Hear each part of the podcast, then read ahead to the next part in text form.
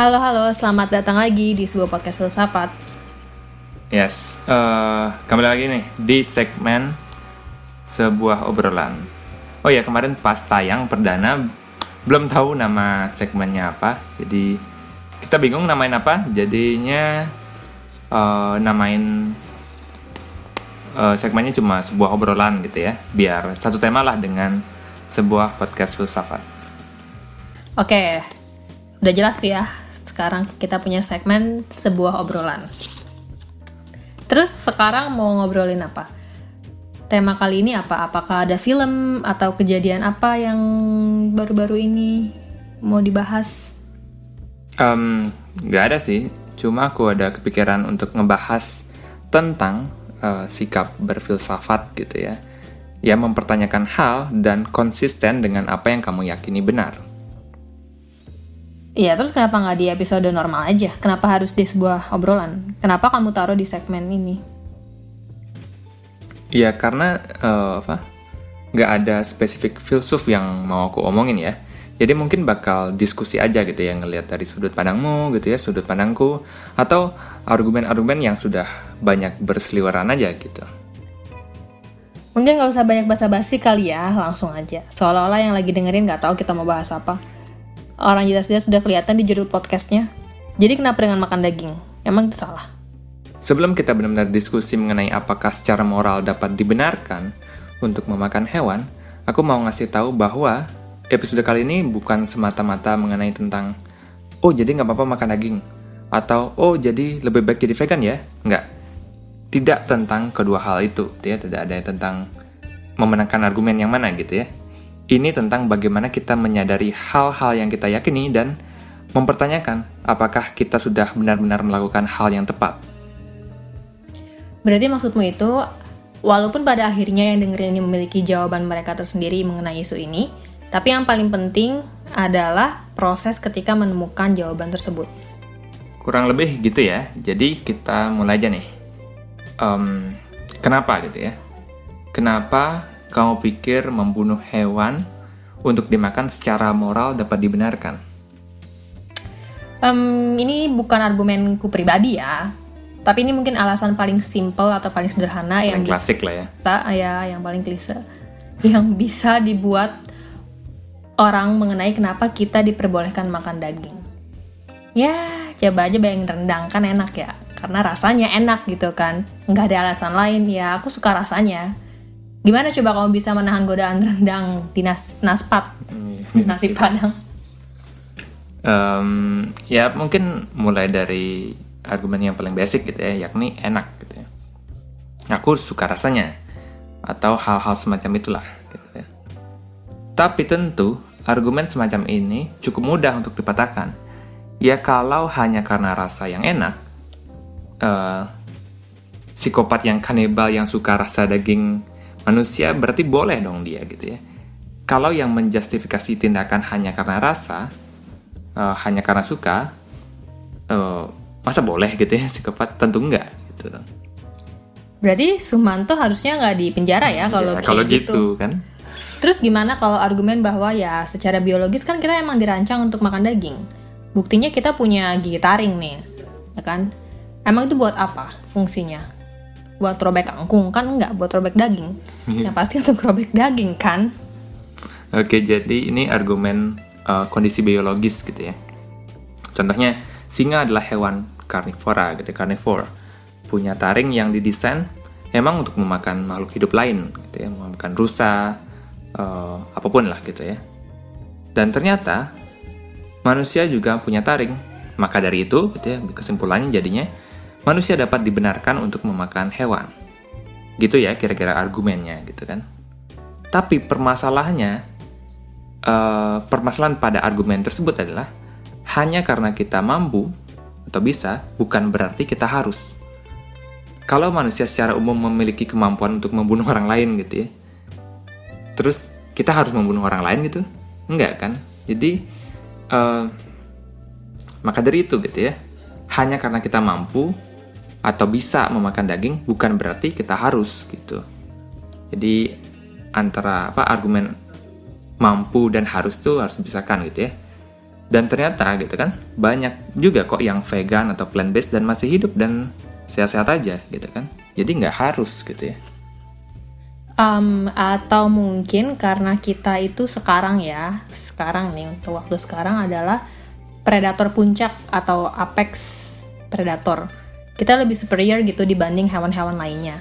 Maka dari itu kita bebas buat memperlakukan makhluk hidup lain termasuk membunuh untuk dimakan. Berarti itu argumen uh, might uh, makes right gitu ya, atau kekuasaan membuat uh, kamu benar gitu ya. Jadi apakah hanya karena kita uh, yang sedang berkuasa saat ini gitu ya, umat manusia berada di puncak gitu ya, berarti kita boleh melakukan apa pun, tindakan apa pun gitu ya terhadap makhluk hidup lain, hewan-hewan lain yang lebih lemah. Apakah gitu? Hmm, oke anggaplah iya nih, boleh nih ya. Aku merasa karena kita manusia sedang berkuasa, kita boleh dong mengeksploitasi hewan-hewan lain. Tuh juga kita nggak bakal dikalahkan sama hewan lain juga. Oke, nah gimana kalau ada makhluk yang lebih hebat dari kita? Nah, anggap aja nih ya, alien misalnya datang ke bumi dengan segala alat futuristik canggih gitu ya, yang membuat kita kalah secara militer gitu. Kita diperbudak dan mereka menemukan bahwa daging manusia sangat bernutrisi bagi mereka dan alien-alien ini menggunakan kita sebagai sumber makanan mereka. Terus apakah kamu tidak masalah dengan hal itu? Kalau kamu kan tadi kamu bilang berarti kamu percaya uh, might makes right gitu yang berkuasa boleh melakukan apa pun harusnya kamu oke-oke aja kita diperbudak atau dimakan hmm. Iya, iya sih ya kalau kamu mau konsisten nih secara moral. Berarti kamu nggak mempermasalahkan dong kalau ada alien yang memakan manusia. Nah gitu. Terus apa lagi nih argumen yang kamu punya? Yang bisa uh, menjustifikasi supaya kamu bisa makan daging? um, apa ya kayak nggak ada sih ya ya emang karena kita dari dulu gitu secara alami kita ya makan daging natural aja gitu loh untuk manusia makan daging itu aja sih secara insting tapi itu cuma asumsimu terhadap alam bagaimana kamu tahu kalau itu memang alaminya kita gitu ya dan balik lagi ke argumen mengenai gigi taring tadi kan nggak harus makan daging kita bisa merubah kebiasaan makan daging tersebut dan ternyata banyak yang bisa. Ya terus kenapa sih nggak boleh makan rusak? Ya makan-makan aja kali nggak perlu mikir boleh apa enggak. Kenapa singa nggak perlu repot-repot mikirin? Ya karena singa nggak bisa mikir. Jadi sedangkan kita bisa, sebagai manusia bisa kita. Kalau singa ya mereka bertindak secara insting aja dilihat rusa ya diterkam gitu ya sehingga nggak perlu berkontemplasi apakah rusa ini lagi punya anak apa enggak gitu ya apakah rusa itu yang mau diterkam tulang punggung keluarganya gitu ya ya nggak ya nggak gitu kan tapi sebagai makhluk yang memiliki tingkat kesadaran yang tinggi dan mempunyai otak yang mampu untuk bernalar kita seharusnya memikirkan segala tindakan yang kita lakukan kita mempunyai kewajiban apakah kita sudah melakukan tindakan yang tepat gitu ya mempertanyakan diri kita sudah tepatkah gitu ya tindakan yang kita lakukan? Um, apalagi ya? Nggak tahu sih, bingung jadinya. Tapi kenapa kita harus peduli banget gitu dengan apa yang terjadi dengan hewan? Oke, jadi gini, ada quotes uh, yang bagus gitu dari bapak utilitarianisme gitu ya, yakni Jeremy Bentham. Dia terkenal mengatakan ini. Pertanyaannya bukan bisakah mereka bernalar, ataupun bisakah mereka berbicara, tapi, bisakah mereka menderita? Jadi fokus dari Bantam adalah tentang penderitaan hewan ketika kita akan membunuh hewan untuk dimakan. Dan kita sebagai manusia pun ngerti rasanya menderita. Maka dari itu kita juga harus mikirin dong dan memberi hak pada hewan untuk tidak merasakan penderitaan. Nah, tapi pertanyaanku adalah, gimana kalau ketika membunuh hewan ternak, kita menggunakan teknologi yang bisa mastiin bahwa ketika hewan tersebut kita sembelih ya mereka nggak merasakan kesakitan sama sekali gitu. Kalau yang kamu pedulikan adalah penderitaan seharusnya nggak jadi masalah dong. Iya sih, tapi permasalahannya penderitaan ini bukan cuma tentang apa ya masalah kesakitan pada saat disembelih gitu ya, bukan cuma tentang itu. Tentu yang harus kita pikirkan juga adalah bagaimana kehidupan dari hewan-hewan ternak ini selama mereka ya diternakkan. Apakah ketika hewan-hewan ini dibesarkan mendapatkan kehidupan yang pantas? apakah mereka mendapatkan kondisi peternakan yang membuat hewan-hewan ini bisa bebas dari stres, rasa sakit dan lain-lain. Tapi kenyataannya kan ya nggak gitu kan. Uh, dan kita tahu bagaimana pet, apa peternakan ayam terutama ya, apalagi ayam petelur gitu ya, ditaruh di kotak-kotak yang bahkan mereka tidak bisa membuka sayap mereka sekecil itu gitu ya, nggak bisa ngelebarin sayap. Iya sih, benar sih. Dan bukan cuma masalah hewan ternak aja ya hewan-hewan percobaan di lab itu juga mengalami nasib yang sama. Dan yang paling sering dipermasalahkan adalah kelinci nih. Bagaimana perlakuan saintis pada kelinci yang dipakai di lab untuk ngetes produk-produk kosmetik biasanya ya. Dan alasan kenapa para ilmuwan ini pakai kelinci adalah karena kelinci itu nggak punya kelenjar air mata. Jadi ketika ditetesin kosmetik nih, tidak ada air mata yang akan menghapus produk-produk tersebut, sehingga peneliti tahu apakah itu aman atau enggak. Dan banyak dari kelinci itu menjadi buta akibat eksperimen tersebut. Iya, ada juga yang pernah bikin eksperimen pikiran kayak gini. Entah aku lupa ya orangnya siapa. Anggaplah kamu punya kucing ya, dan kamu sangat sayang kucing tersebut. Tapi suatu saat uh, dia mati, ya, natural cause gitu atau apa. Kalian satu keluarga sedih gitu. Pertanyaannya adalah, kenapa nggak kamu makan? Anggaplah dagingnya bebas penyakit dan memang enak gitu ya. Toh kucingnya sudah mati dan dia tidak bisa merasakan kesakitan. Kenapa nggak dimakan aja? Apa permasalahannya di sini? Ya pasti ada dong keterikatan secara emosional terhadap hewan piaraan kita. Dan kita ingin uh, apa sih show some respect gitu kepada peliharaan kita. Ya tapi mungkin pertanyaan yang kamu ajukan itu adalah kenapa kita lebih memilih makan sapi, kambing, ayam gitu ketimbang hewan seperti kucing ataupun krema atau anjing ya kan di mana kita membuat garis krema. krema anjing gue di mana kita buat garis gitu ya. Ya emang itu sih batasan yang gak sih? Iya sama aja. Well you draw the line kan aku ya, terlalu ya, jadi batasan aja. Emang itu sih yang sering digaungkan vegan ya mengenai apa where you can draw the line gitu ya. Kenapa sapi kambing ayam babi bisa dimakan sedangkan kucing anjing gitu kamu enggan gitu ya. Kalau kamu secara moral konsisten kalau kamu menolak makan kucing anjing ya kamu juga nggak mau dong gitu kan e, makan sapi kambing dan lain-lain. Orang sama-sama mamalia gitu ya. Jadi kamu dianggap hipokrit gitu ya sama vegan. Nah tapi sepertinya aku udah nemukan jawabannya kena e, kita narik garisnya di mana gitu ya.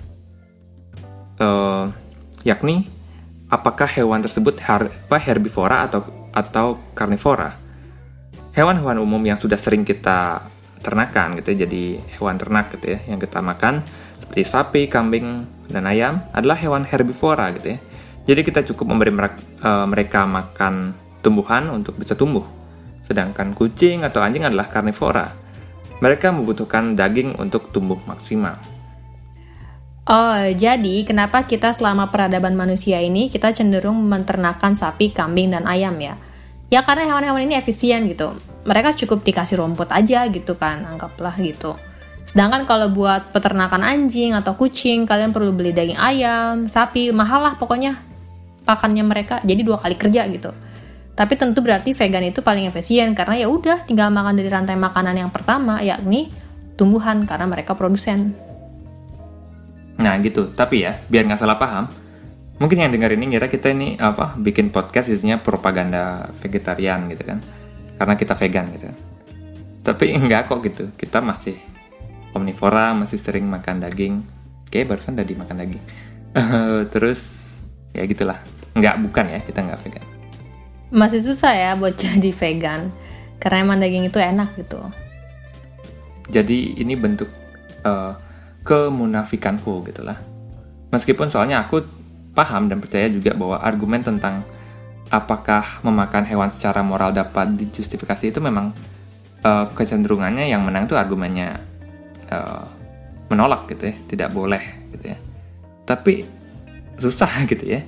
Aku pun sendiri hanya bisa mencoba mengurangi gitu ya konsumsi daging terutama uh, hewan-hewan mamalia yang punya apa, kesadaran yang tinggi gitu ya. Sedangkan yang agak rendah gitu yang kayak apa ya mungkin ikan ataupun lobster bahkan nggak punya pain receptor kalau nggak salah ya udang-udangan gitu apalagi yang shellfish gitu juga katanya nggak terlalu punya kesadaran untuk merasa sakit. Jadi sebenarnya fine fine aja dimakan gitu. Ya gitu gitu doang sih. Aku sampai tahap sana aja bisanya gitu. Jadi kami di sini nih nggak ada maksa kalian untuk jadi vegan atau plant based gitulah akan sangat munafik juga nih kalau kami nyaranin hal itu. Soalnya aku masih suka ayam. Kremes gitu kan enak biar apa sedikit membuat ini adil ya. Aku kan membalas sedikit argumen-argumen yang tadi gitu ya dengan pertanyaan-pertanyaan berikut. Ya sesimpel pertanyaan kenapa kita boleh makan tumbuhan? Gitu ya kita balik aja nanya gitu ya. Kenapa hanya hewan yang kita uh, perlu pedulikan? Gitu ya. Bagaimana nasib dengan tumbuhan ini? Ya seperti yang udah kamu bilang tadi hewan itu kan sentient being memiliki cukup kesadaran untuk merasakan uh, penderitaan atau kesakitan tapi gitu ya siapa yang bilang kalau makhluk sentient itu lebih bernilai ketimbang tumbuhan itu tertulis di mana gitu ya peraturan kalau tumbuhan kalau tumbuhan itu lebih rendah nilainya ketimbang hewan. Nggak ada kan gitu ya. Itu buatan kita aja. Dan juga bagaimana kamu tahu kalau tumbuhan itu tidak merasakan apa pun? Hanya karena mereka tidak terlihat menderita sebagaimana kita mamalia gitu ya, menderita. Bukan berarti mereka tidak merasakan apa pun gitu ya ketika kita panen. Disuruh tarik napas nih. Jadi kita boleh makan apa nih sebenarnya nih? ya nggak ada sih kayaknya kayak apa petapa era sebelum sang Buddha gitu ya nggak makan apa pun gitu ya nggak makan nggak minum apa sampai meninggal ya nggak sih ya tapi inti dari podcast ini kan aku udah bilang tadi di awal bukan tentang perdebatan vegan versus non vegan tapi tentang sudahkah kamu mempertanyakan hal-hal yang kamu lakukan di kehidupanmu ini? Iya dan bukan cuma sekedar tentang makanan ya. Misalnya apakah kita harus berolahraga atau nggak usah nih? Kenapa aku harus belajar atau mempelajari suatu hal tertentu apakah akan bermanfaat nantinya di di masa depan gitu kan. Hal-hal yang kamu pikir kamu tahu jawabannya, tapi ternyata ketika kamu benar-benar pikirkan secara mendalam nih, kamu jadi semakin ragu dan bingung. Um, dan juga ya, bagiku tidak ada salahnya jadi ragu dan bingung gitu kan. Emang siapa sih yang tahu segalanya dengan sangat amat pasti gitu ya jadi sedikit balik mengenai perdebatan kita mengenai hewan untuk makanan tadi. Ini kan ranahnya moral ya. Dan kita sebagai umat manusia selalu berprogres secara moral. Dulu mempunyai budak itu wajar loh gitu ya. Ya ini contoh di Amerika sih, tapi intinya dulu dianggap pernah dianggap wajar. Tapi sekarang mereka malu gitu ya, sangat malu pernah menganggap ada ras manusia yang lain hanya apa karena beda warna kulit diperlakukan berbeda dan dianggap lebih rendah dibandingkan manusia yang berkulit putih. Jadi mungkin aja ya, orang di masa depan melihat kita sebagai manusia-manusia primitif yang masih makan daging. Dan mungkin ada orang yang malu punya kakek atau nenek buyut yang pernah makan daging nih. Ya, dianggap setara kayak punya kakek yang join Nazi gitu. Ya gitu aja sih, mungkin biar agak uh, apa panjangan aja dikit ya, aku mau tambahin opini ku sendiri aja. Mengenai isu boleh atau tidak boleh makan hewan ini. Ya aku secara objektif melihat bahwa argumen hewan apa seharusnya kita tidak uh, makan ini memang lebih baik, kita lebih bagus gitu ya. Kita nggak boleh gitu ya makannya. Tapi meskipun aku tahu gitu, aku pun belum bisa vegan gitu yang kayak aku bilang tadi. Susah dan pasti banyak juga yang kayak gini gitu yang kayak aku. Oke, kesampingkan perdebatan itu dulu. Yang ingin aku achieve aja gitu ya adalah setidaknya gitu ya dua kubu ini kubu vegan dan non vegan ini daripada bertengkar gitu ya lebih baik sama-sama setuju aja nih bahwa factory farming itu kejam gitu ya yang tadi aku sebut uh, itu aja aku ingin kita setuju sampai di sana dulu gitu ya nggak usah lah semua orang jadi vegan gitu ya iya sih gimana hewan-hewan berdempet di ruangan kecil kayak ayam-ayam paruhnya tuh dipotong biar nggak matuk ayam di sebelahnya sapi dan babi ekornya dipotong. Katanya sih hal ini untuk mencegah penularan bakteri gitu kan. Ya dan masih banyak lah praktek-praktek kejam di factory farming lainnya gitu. Ya aku yakin juga sudah banyak yang aware tentang masalah ini gitu ya. Tapi entah kenapa kita masih bisa gitu nggak peduli gitu ya. Mungkin karena kita nggak ngeliat secara langsung dan kita bukan pelaku ternak apa ternak industri seperti ini gitu ya. Ya sih, mungkin uh, karena factory farming itu kita anggaplah kita setuju bahwa itu salah gitu ya. Jadi kita mungkin balik ke yang aku sebut tadi tentang makan yang less apa punya less consciousness gitu yang kesadarannya nggak ter se- setinggi mamalia gitu ya kayak sapi kambing dan lain-lain gitu ya. yang jelas-jelas mereka care dengan eh, anak-anak mereka atau apa gitu kan kita ngerti lah sebagai sama mamalia sedangkan yang ya yang hewan-hewan yang tidak terlalu apa ya tinggi kesadarannya itu mungkin masih fine mungkin ya nanti aku mungkin perlu research lagi gitu Hmm. Oke nih, ada lagi? Ya gitu ya, ya kayak tadi aku ya yang bisa gitu ya. Dan ingin konsisten secara moral eh, kamu bisa gitu. Kalau mau menjalani kehidupan yang bebas dari kekejaman tadi. Tapi yang belum juga nggak apa-apa gitu ya. Mungkin bertahap gitu ya. Nggak harus semua langsung jam gitu ke vegan gitu mungkin ya. Yang penting kita setuju aja factory farming itu nggak bener. Lagian di Indonesia secara statistik juga rata-rata konsumsi daging per kapita kita masih sangat rendah ketimbang negara-negara maju lainnya. Uh, dan merupakan salah satu faktor penyebab uh, banyak kasus stunting gitu ya. Bukan karena kurang dagingnya per se gitu ya, tapi uh, bukan itu doang penyebabnya gitu ya, tapi ini tentang apa ya kekurangan gizi gitu ya, tentang protein dan apa kelengkapan asam amino yang terdapat pada uh, protein hewani itu yang penting dalam tumbuh kembang anak gitu ya. Ya kalian coba bisa riset-riset lagi ya mengenai isu gizi di Indonesia ini gitu ya. Dah capek ngomongnya. Itu aja. Eh kamu mau mau ke mana Mel? Itu ke di depan. Oh bergernya udah nyampe? Lah ngeganggu orang tapi aja.